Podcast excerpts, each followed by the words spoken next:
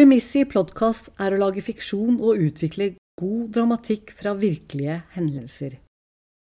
Mitt navn er Sylvia Johnsen, og jeg vil snu og kna på et mysterium som har preget mitt liv i nesten fem år. Jeg skriver manuskripter for film, prosa, TV, og jeg vil bruke alt jeg ikke vet om et kuppforsøk mot tre sameier og 633 seksjonseiere for å finne plott verdt å utvikle. Men først må jeg forstå hva var det egentlig som skjedde?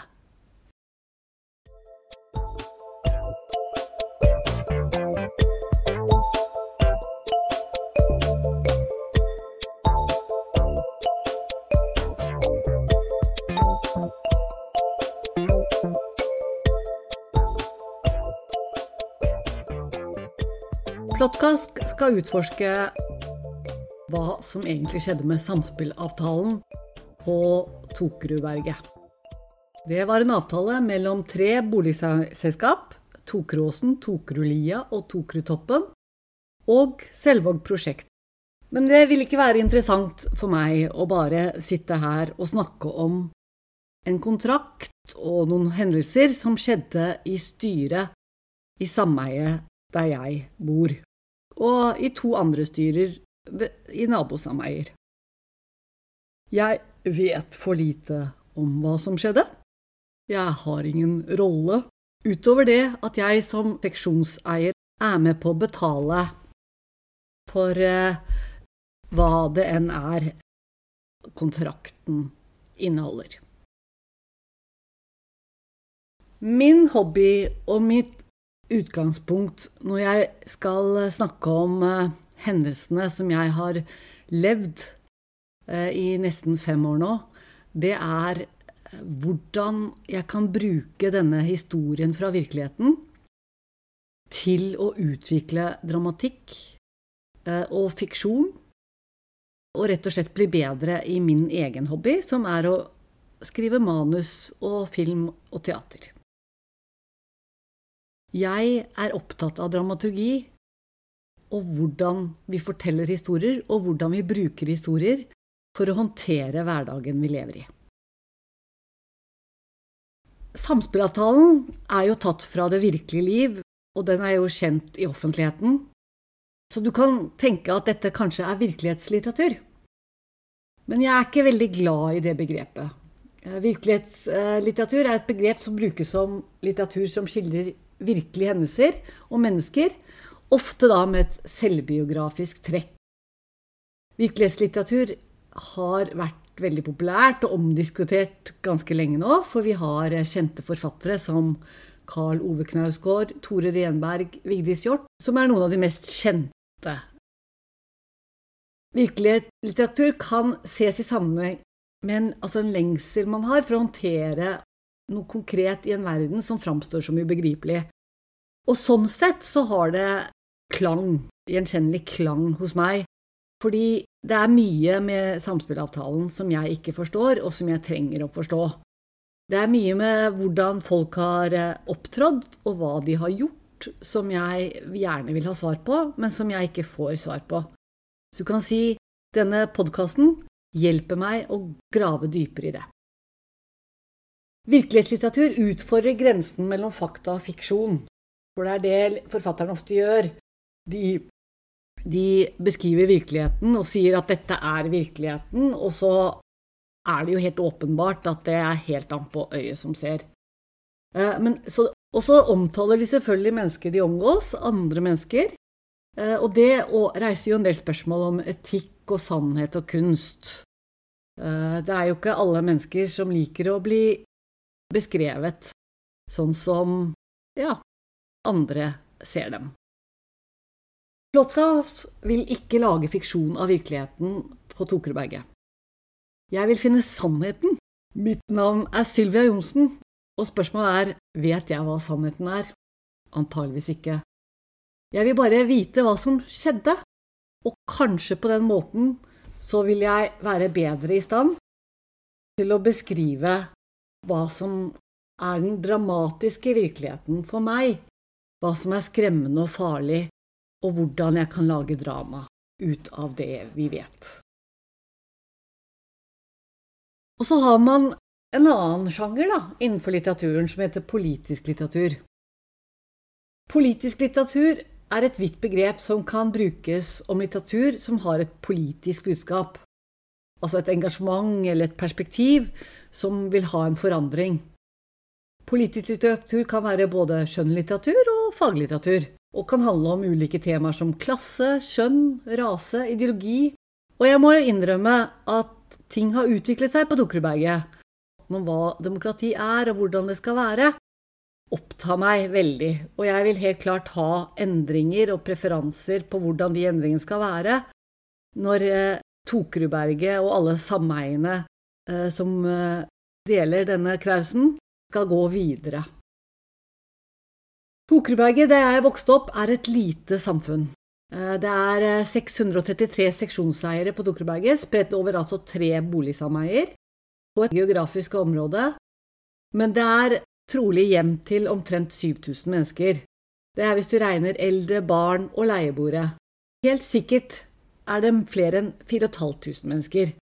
Så det er ikke lite område eh, vi snakker om her, fordi her bor mennesker tett i tett. Politisk litteratur kan være en måte å utforske og reflektere over politiske spørsmål og dilemmaer og det er jo jeg litt interessert i. En av mine favorittbøker er jo George Orwells bok 'Animal Farm', skrevet i 1945, som jo er et uh, veldig fint bilde på hvordan kommunismen og Josef Stalin opererte i verden. Men altså i noe som tilsynelatende ser ut som en barnebok om uh, ulike dyr på en gård som snakker til hverandre og har ulike konflikter. Jeg føler i grunnen at toget har forlatt perrongen når det gjelder samfunnsavtalen og snakke om dilemmaer og politiske spørsmål.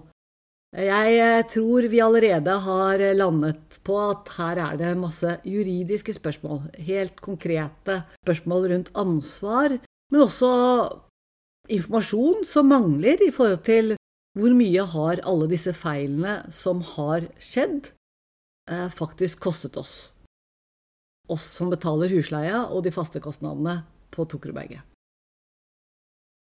Etter at skandalen ble et faktum i 2020 og det ble kjent at dette prosjektet gikk sin gang, så har styrelederne med ansvaret blitt gjenvalgt over flere årsmøter.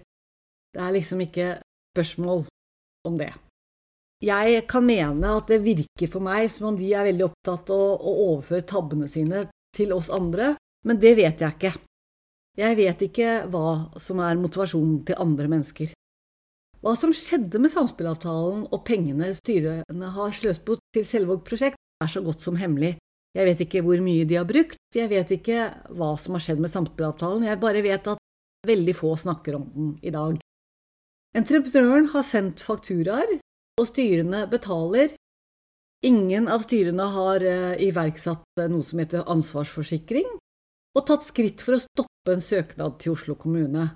Plan- og bygningsetaten har en søknad inne som de har godkjent på et toetasjes garasjehus.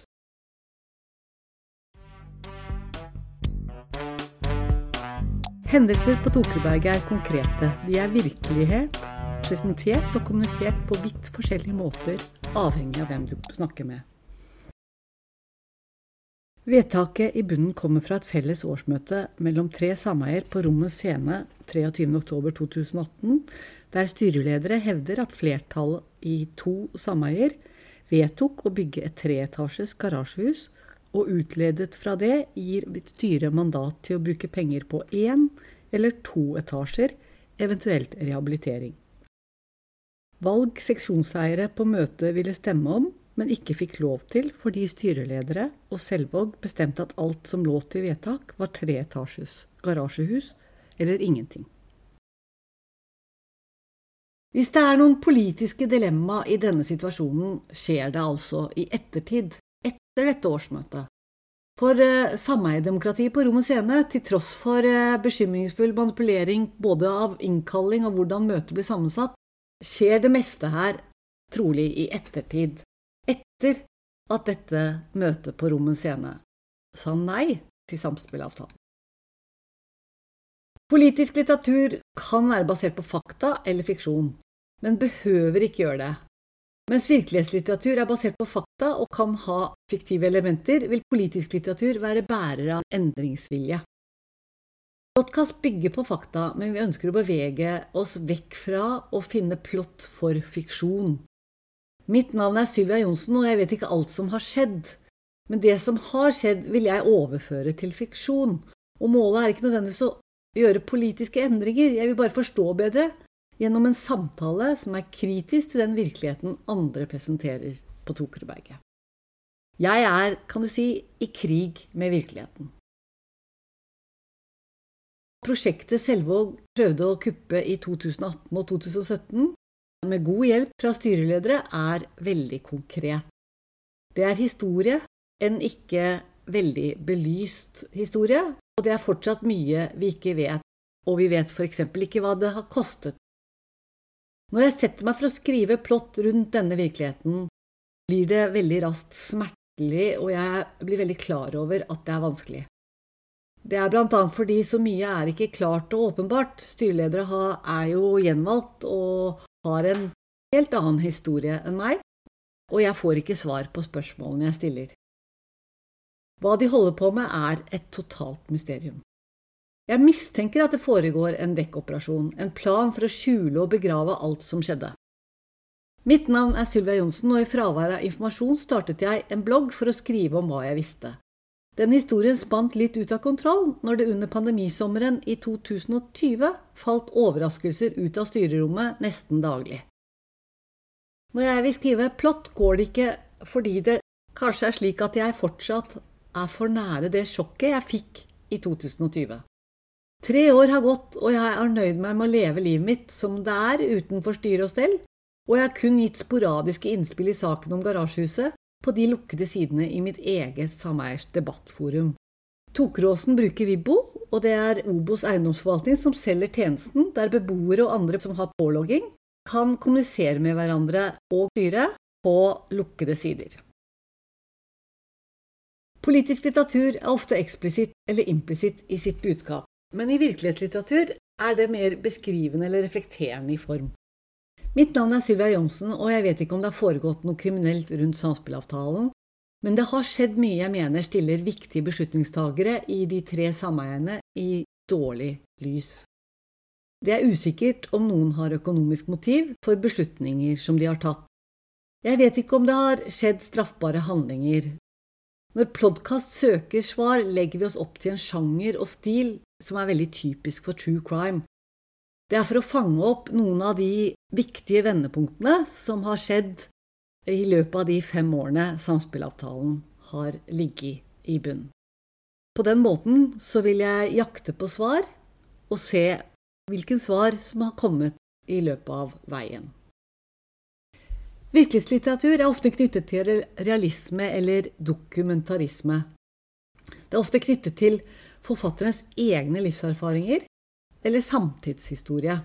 Men til tross for at spørsmålet jeg stilte i 2020 førte til mye bråk rundt meg, jeg ble f.eks. utsatt for en drittpakke nesten umiddelbart etter at jeg publiserte bloggen om samspillavtalen. Det var et personlig angrep på meg over mange sider, skrevet av styreleder i Tokerudtoppen, advokat Alf Erik Vollen. Jeg har siden den gang forsøkt å holde fokus på ballen, og det er å finne svar for alle seksjonseiere, ikke bare for meg. Nå vil jeg fokusere på detaljer og tillate meg selv å gå inn i spekulasjoner for å fange opp bedre hvordan jakten på svar oppleves.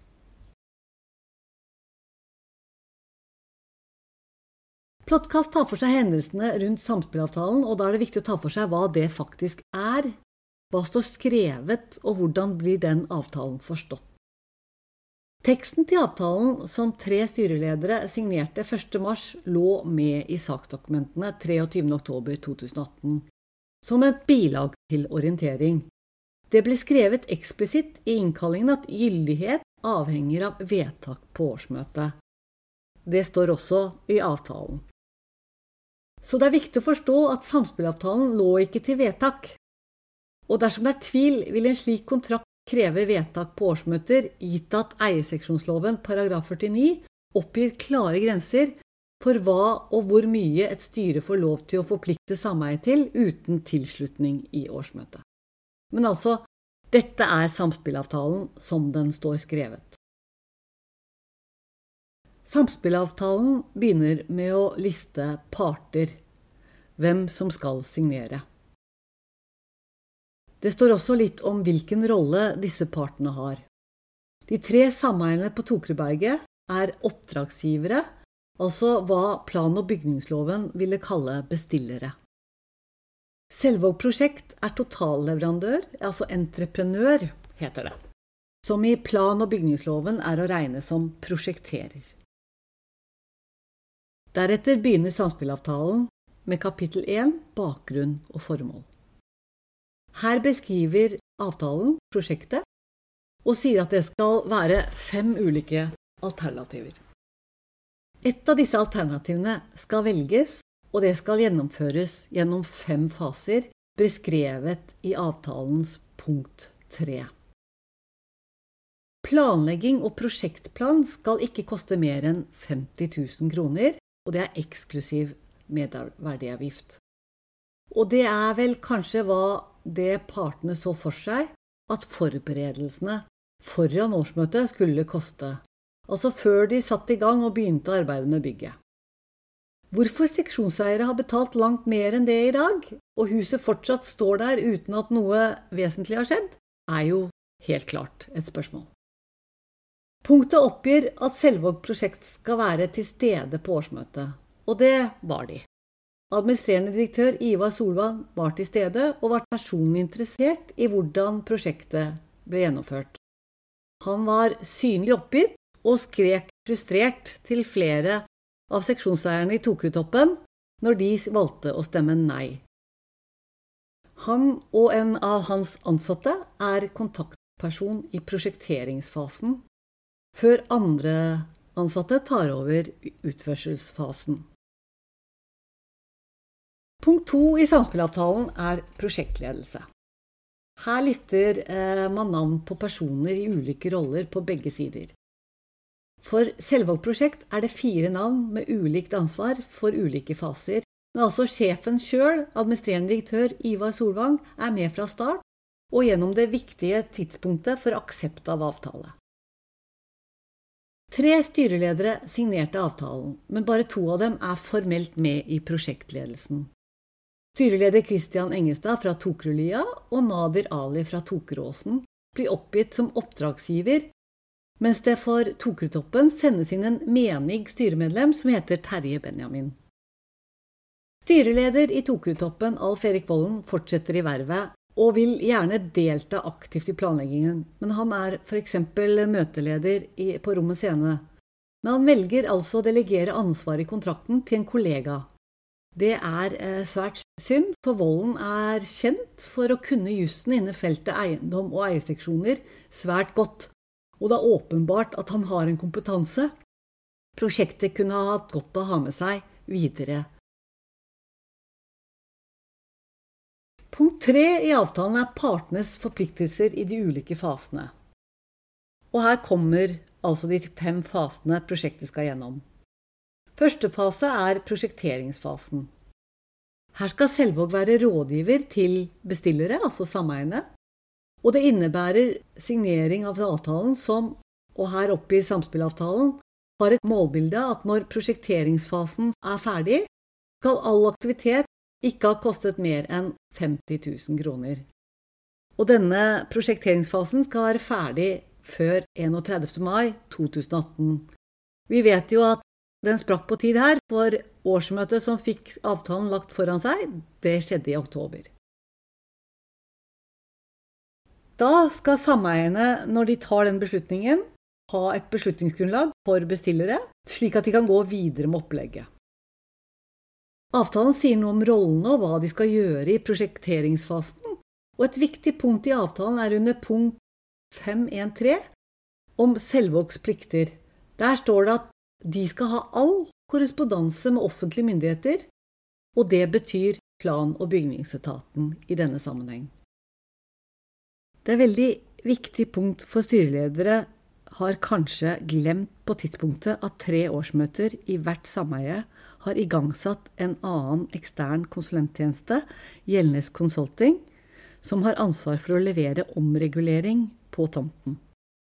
Nå er både Nader Ali og Christian Engelstad ferske styreledere, og de var ikke med på de årsmøtevedtakene. Men Nadir Ali er jo ansvarlig for kontoen som alle sameiene eier sammen.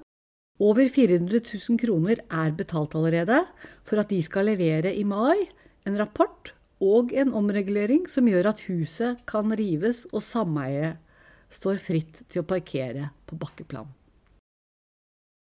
Gjeldnes vant oppdraget om å gjøre denne omreguleringen i en konkurranse med Selvåg prosjekt.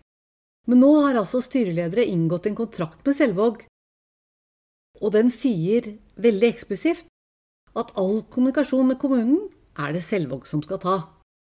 Og kanskje det er én grunn til at styreleder Nader Ali avslutter oppdraget til Gjelnes en måned senere i april, altså før han får leveransen. Med det resultat at sameiene betaler for arbeidet konsulentene har gjort, over en halv million kroner, men fikk altså ikke omregulering de trengte for å parkere med færre biler på en bar tomt.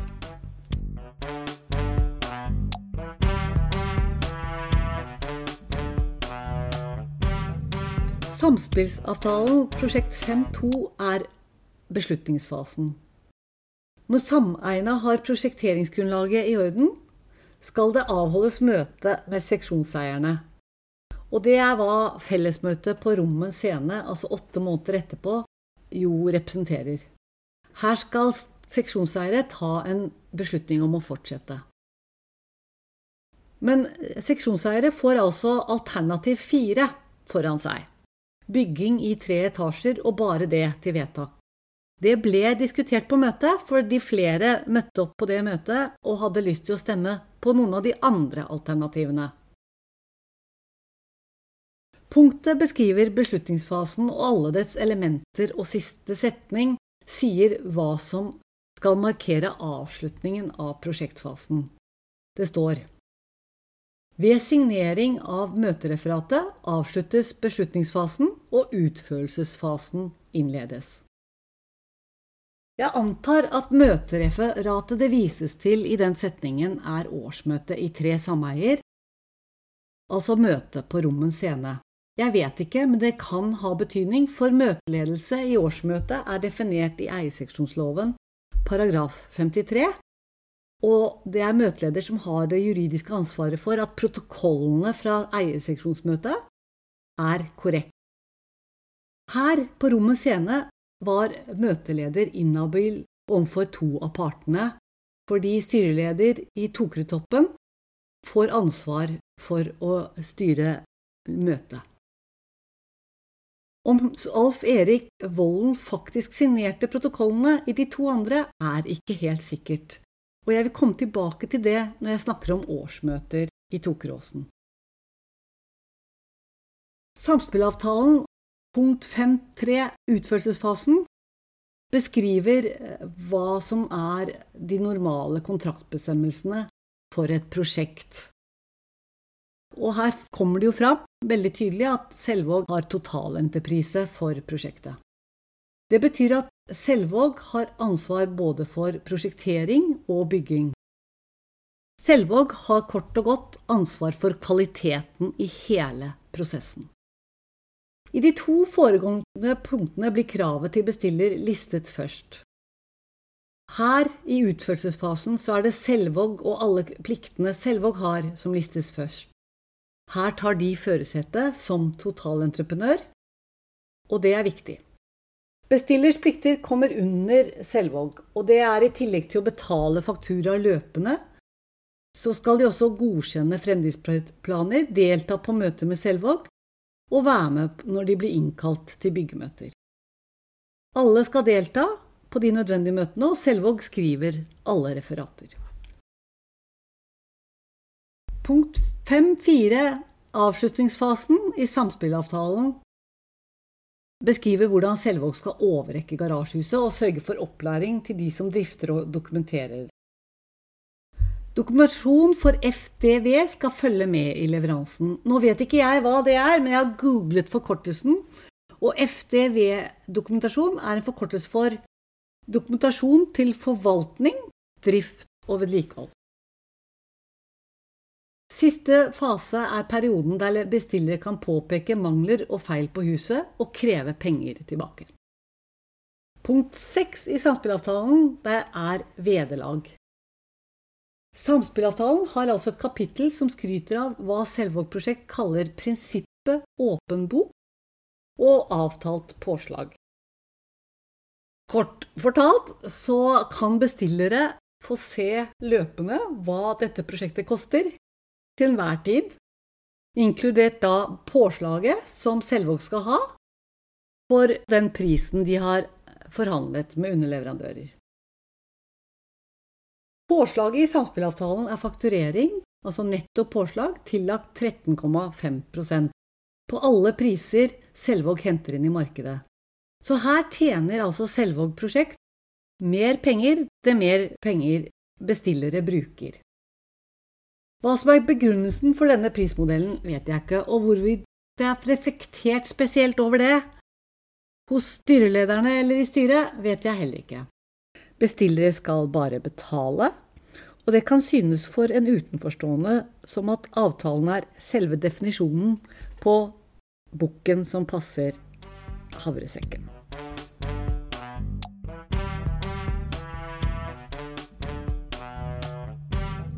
Punkt syv i samspillavtalen er et kapittel om fakturerings- og rapporteringsrutiner.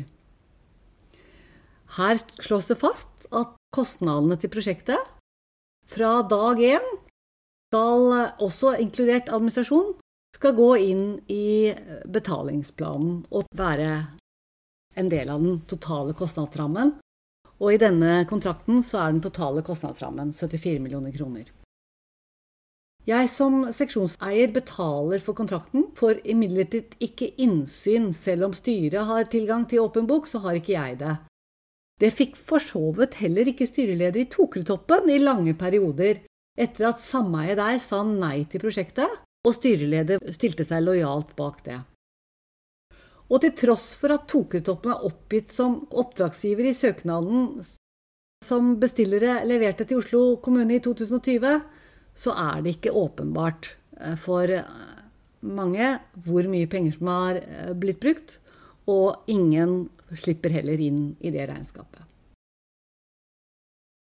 Når det gjelder punkt 80 i samspillavtalen, så er det bare en standardsetning om at man skal følge bransjestandarder. Punkt 9 i samspillavtalen er forsikring. Og den sier at bestiller skal ta ut forsikring for arbeidet som gjelder da altså hele pakken. Kostnadsrammen er jo da 74 millioner.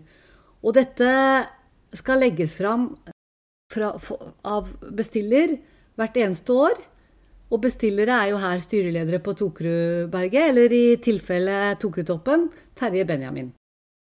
Jeg vet ikke helt hva denne kontrakten mener med forsikring, men kan lese fra referatet og andre dokumenter at det er levert finansieringsbevis fra banker til Selvåg.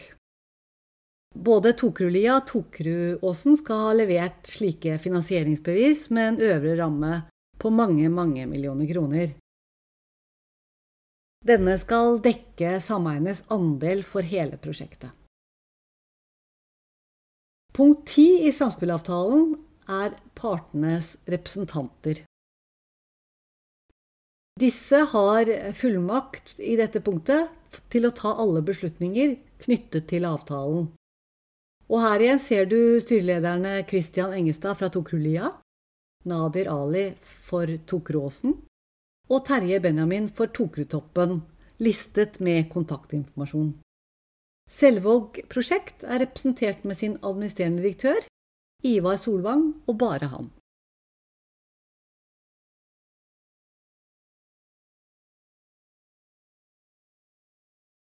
Punkt 11 i samspillavtalen er varsel og krav. Samspillavtalen kan endres, står det i dette punktet, og endringsmeldinger fra styreledere kan sendes på e-post. Her kan det gå raskt i svingene hvis det er et behov. Punkt 12 i samspillavtalen er særlige bestemmelser knyttet bare til dette prosjektet.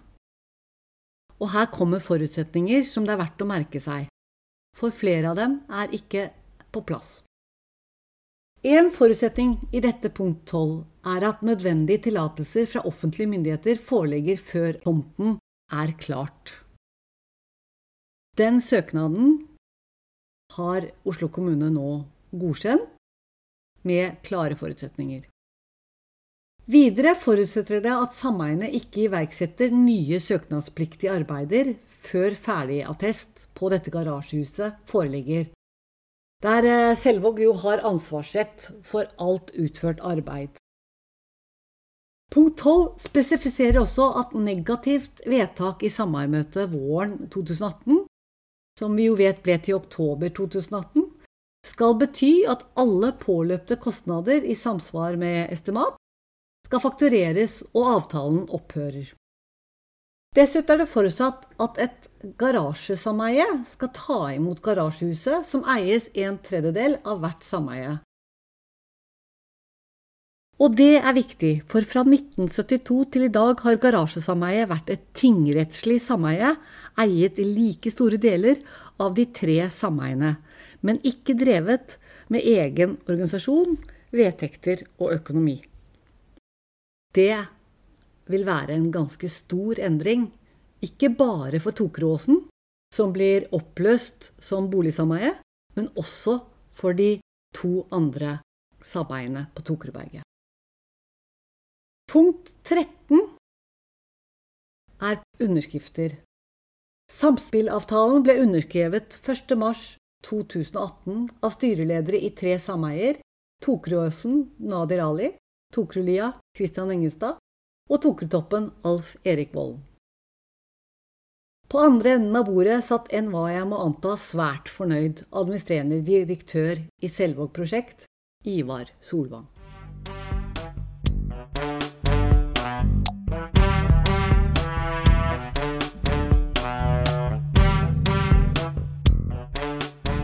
Vedtektene i sameiet er lov.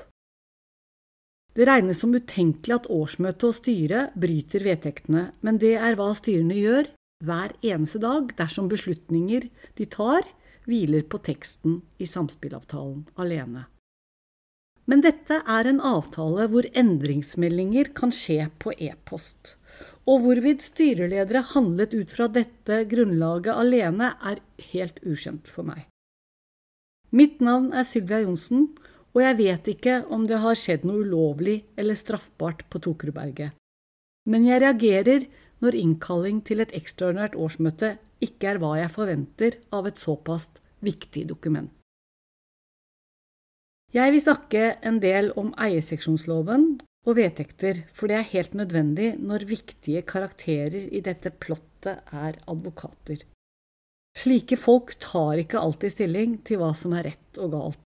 Det handler i grunn bare om hva som er mulig og ikke mulig innenfor det skrevne ord og gjeldende praksis. Innkalling til ekstraordinært årsmøte 23.10.2018 på Rommen scene er første gang og eneste gang Tokeråsen boligsameie har sett samspillavtalen med Selvåg prosjekt. Avtalen ble signert over et halvt år tidligere og var et bilag Ingen forteller seksjonseierne på Rommen scene at kontrakten på 74 millioner kroner i økonomisk forstand allerede har sprukket med 250 000 i punkt 3. Her oppgir man et estimat og et tak på hvor mye Selvåg prosjekt skal ha for å få beslutningen så lang. Beløpet for å presentere prosjektet skulle ikke koste mer enn 50 000 eksklusiv merverdiavgift. Styreledere på Tokerberget starter prosessen når de feilinformerer seksjonseierne, og det er en dårlig start. Jeg er seksjonseier i Tokeråsen og varsler, først på e-post dagen før, deretter i eget brev noen dager etter årsmøtet på Rommen scene. Jeg vil advare styreleder mot hva slags problemer dette åpner opp, men får ingen svar. Først fire måneder senere sender styret en e-post med tre korte linjer, som avslører intensjonen å presse videre.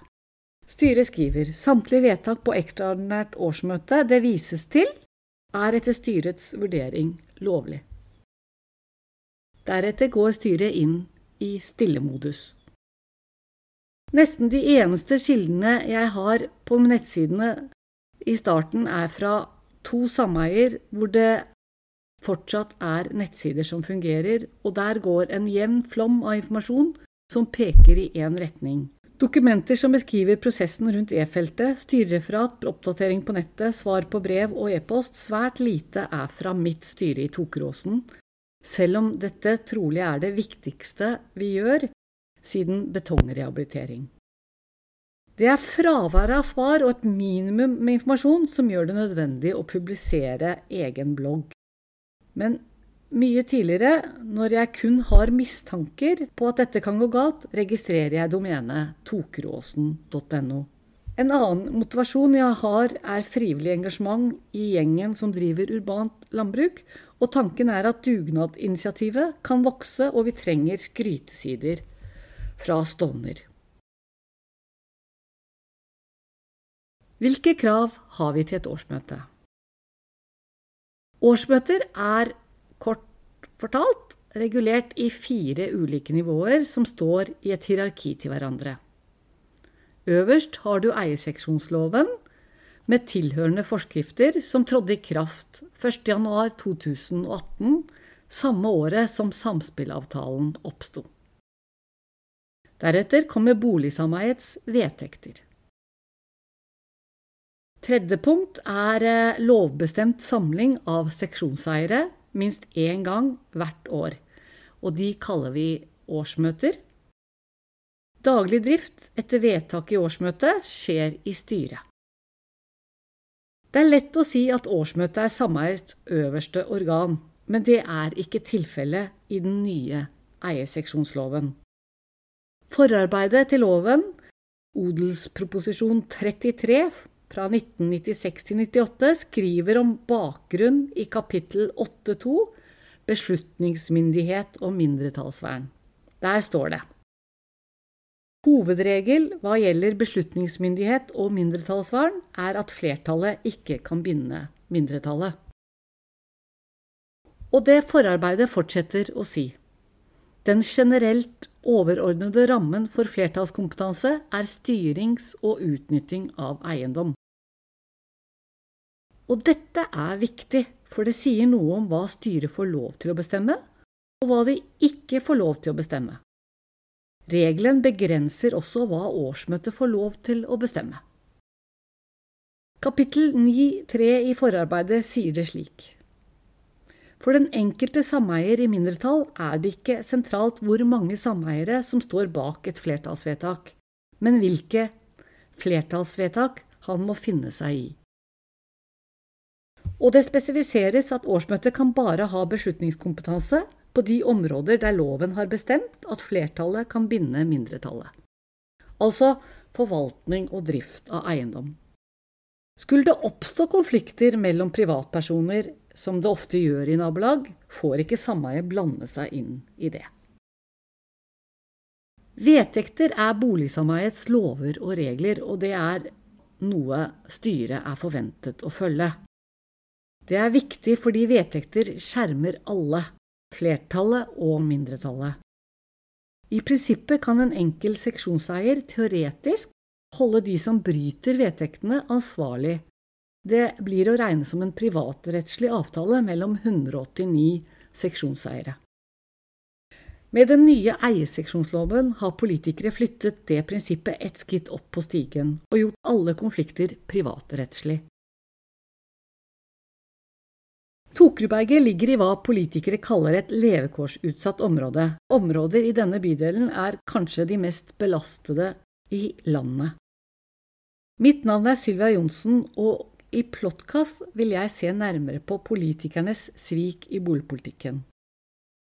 Kanskje politikerne var naive når de innførte privatrettslig eierseksjonslov. De tok politiske valg som synes å tjene profesjonelle bransjefolk mer enn de av oss som bare kjøper et sted å bo og stoler på at vi har beskyttelse i lovverket. Samspillavtalen omhandler utvikling av eiendom, og således kan den og skal den legges fram for årsmøtet. Hvem som kan møte på årsmøtet er beskrevet i eierseksjonsloven paragraf 46, og det er selvsagt ikke slik at årsmøter er åpne og inviterer til utenforstående filibustere som kommer inn og vinner debattene gjennom å okkupere talerlisten og true og vise vilje til å sitte hele natten. Flertallskrav til vedtak når årsmøtet utgår fra eierseksjonsloven paragraf 49, er stort sett to tredjedeler, altså 67% i store investeringer hva gjelder eiendom. Tross at hver og en av styreledere på Tokerudberget er advokater, klarer de ikke å sende ut en innkalling som oppgir riktig flertallskrav etter loven i hele tre saker, og det er litt påfallende. Tegn på manipulasjon av sameiedemokratiet fra styreledere gir grunn til uro. Protokoll fra møtet konkluderer også feil. Jeg vil si også noe om sedvane. Sedvane er et fast handlingsmønster som gjentas over lengre tid, som regel uten at det er nedfelt skriftlig. Er sedvanen langvarig og konsistent? Det ligger i vedtektene en innebygd treghet eh, som skal beskytte oss dersom en gruppe i sameiet kupper vedtak. For vil Tokeråsen boligsameiets vedtekter i paragraf 24 kreve flertall fra to tredjedeler av de avgitte stemmene i vedtakssaker, og i vårt sameie har det vært sedvane at det også gjelder eiendomssaker ved lån, og der skal kravet som er stilt i vedtektene paragraf 24 være minst 50 seksjonseiere må møte på årsmøtet. På Rommen skole stilte kun 37 stemmeberettigede. Et styre som bryter vedtektene, handler i strid med lovgivers krav om beskyttelse av et mindretall.